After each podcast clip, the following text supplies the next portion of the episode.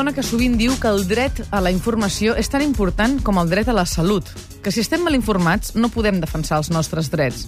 Ha voltat pel món més de 30 anys com a corresponsal de televisió espanyola a Moscou, a Buenos Aires, a Nova York, a Roma i a l'àrea d'Àsia-Pacífic. Ha presidit el Centre Internacional de Premsa de Barcelona i ara la tenim en universitats transmetent la seva experiència, impartint cursos, seminaris i conferències. És la Rosa Maria Calaf. Bon dia. Hola, bon dia. Un plaer tenir-te avui amb nosaltres. Jo sempre sé en aquesta casa, vamos, és una alegria. Ara parlarem amb la Rosa Maria. Abans el Xavi ens presenta el Rosa Maria Calaf en xifres. 1945 és l'any en què va néixer Rosa Maria Calaf, un any en què el món va canviar radicalment. Va acabar la Segona Guerra Mundial, es van crear les Nacions Unides i la Lliga d'Estats Àrabs, es va dividir Corea en dos països i van néixer, igual que Rosa Maria Calaf l'any 1945, Rod Stewart, Bob Marley, Mia Farrow, Eric Clapton i Pere Gimfarrer. 27,47 són els quilòmetres quadrats mm, d'Esparreguera, la, el municipi on va néixer Lluís Llongueres, a qui s'atribueixen els cabells vermells i el floc platejat que caracteritza el look de la nostra convidada. 357 són els episodis que tenia la mítica sèrie Dallas, una de les apostes fortes de TV3 l'any 1983, quan Rosa Maria Calaf era directora de programes. A uns 170 països, jo no sabia que n'hi hagués tants, ha viatjat Rosa Maria Calaf durant més de 3 dècades com a corresponsal de televisió espanyola. I 3, o tercer president dels Estats Units, Thomas Jefferson, l'home que va dir una frase que alguna vegada ha citat la nostra convidada. Una nació no pot ser lliure si no està ben informada.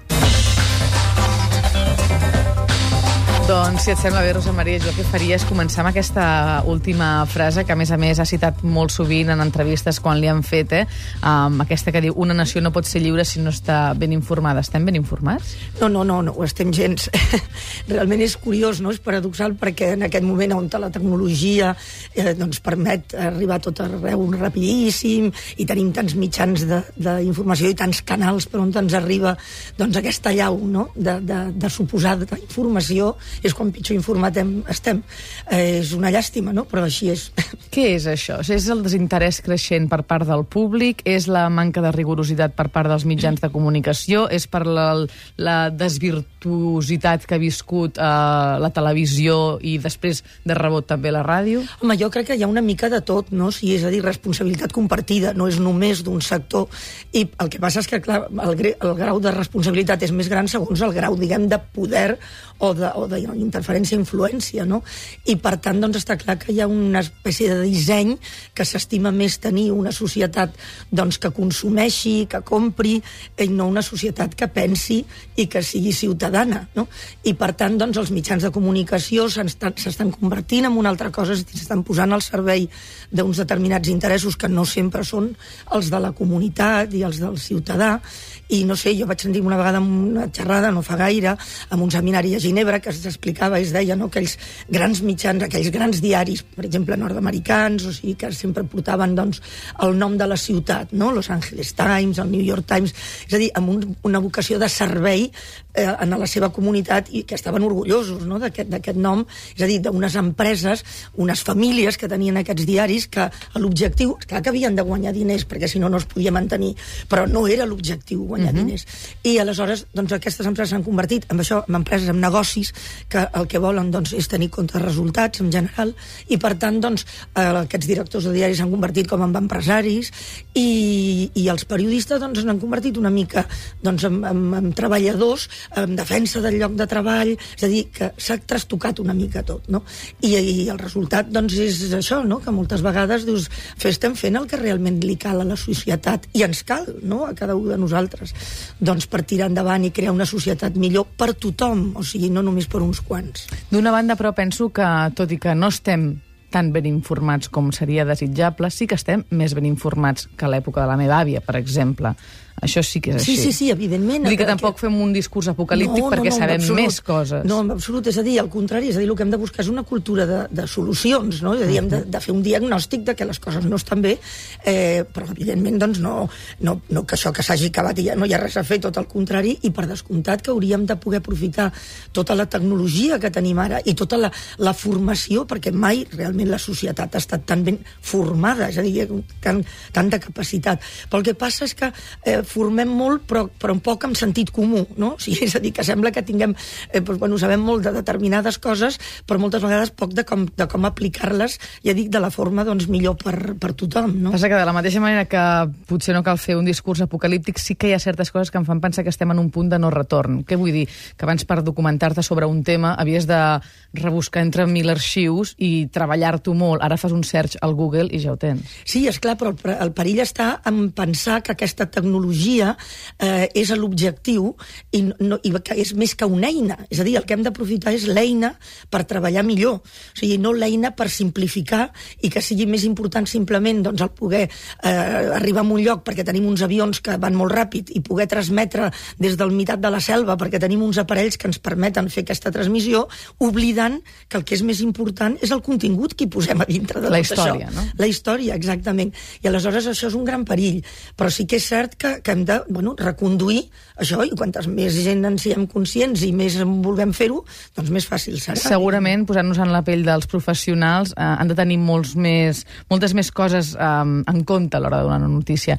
O sigui, evidentment, el principal és la història, però captar l'atenció de, de l'espectador o de l'oient i vendre-ho d'una manera propera també és un, un afegit eh, en aquesta responsabilitat. Sí, sí, absolutament, però això ho ha estat sempre, és a dir, el, el fet, jo recordo que quan vaig començar, bueno, doncs al principi de tot, no, era, era com una lluita, però no perquè jo sabés més o fos molt llest, total, sinó que bueno, tinguia, havia tingut l'oportunitat d'estar molt a fora i veure periodisme mm. eh, a fora i veia que es feia això, no? és a dir, que la, la, la informació es posava d'una forma atractiva, assequible, és a dir, que, que, que la gent en tingués, tingués sensació que volia saber-ne més, no?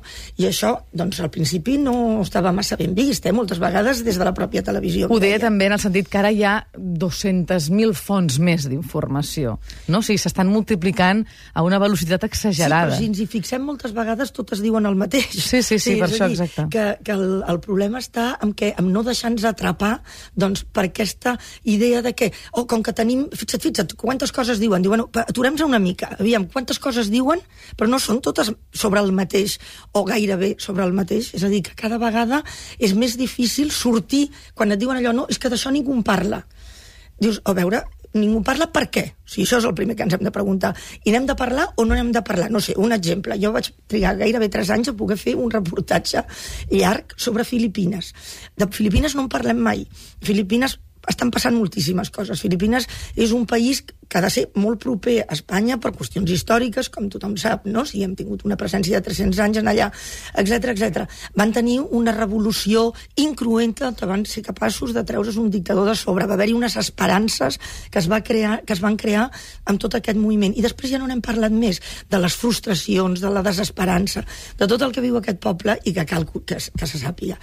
Bé, doncs no se sap. O sigui, és a dir, es parla molt d'unes determinades coses, però molt poc d'unes altres. És a dir, hi ha molts conflictes oblidats, hi ha molts grans temes importantíssims per la, una, per la humanitat que no són en l'agenda del dia i que s'hi han de posar però que aquests temes, la majoria, evidentment per la, per la seva trajectòria internacional, eh, estem parlant de, de vegades d'esdeveniments de, de, que estan passant lluny de casa nostra.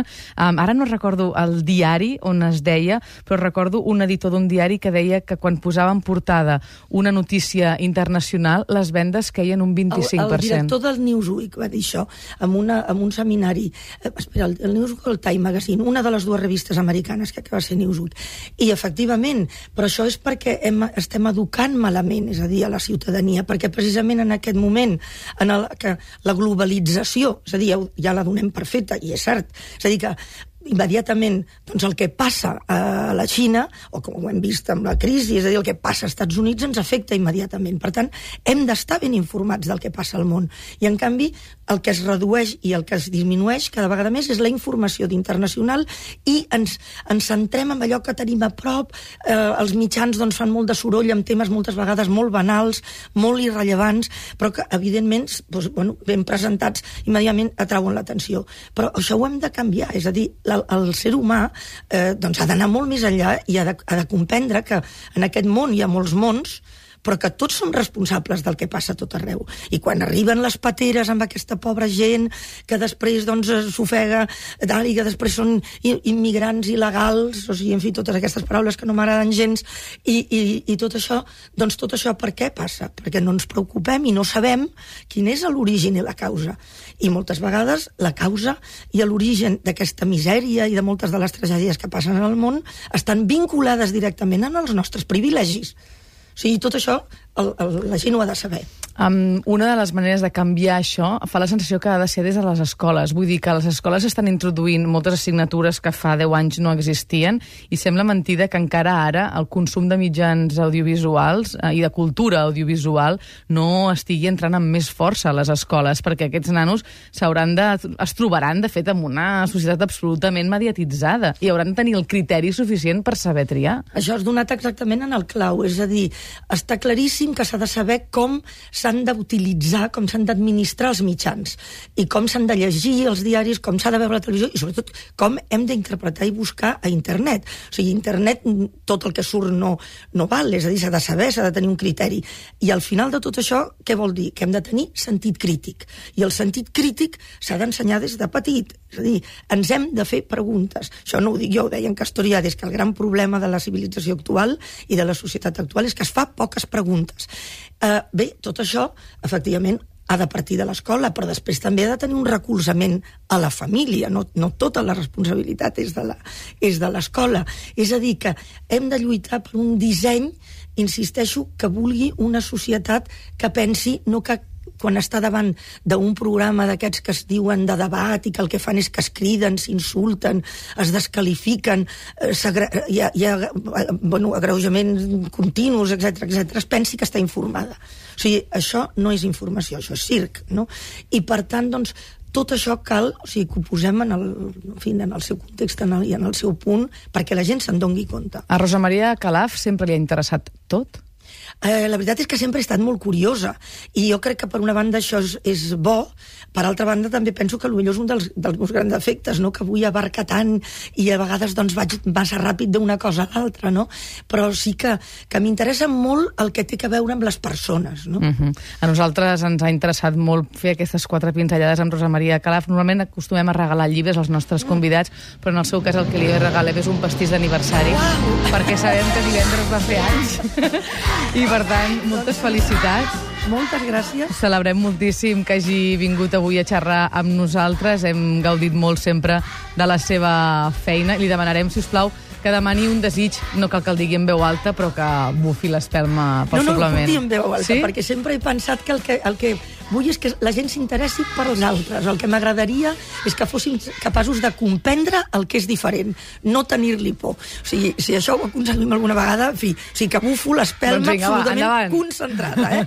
amb aquest desig. Moltes gràcies. Gràcies a vostè. Ho tenim. Un aplaudiment ben fort. Moltes gràcies. gràcies. Per haver vingut avui al suplement. Un plaer xerrar amb la Rosa Maria Calaf.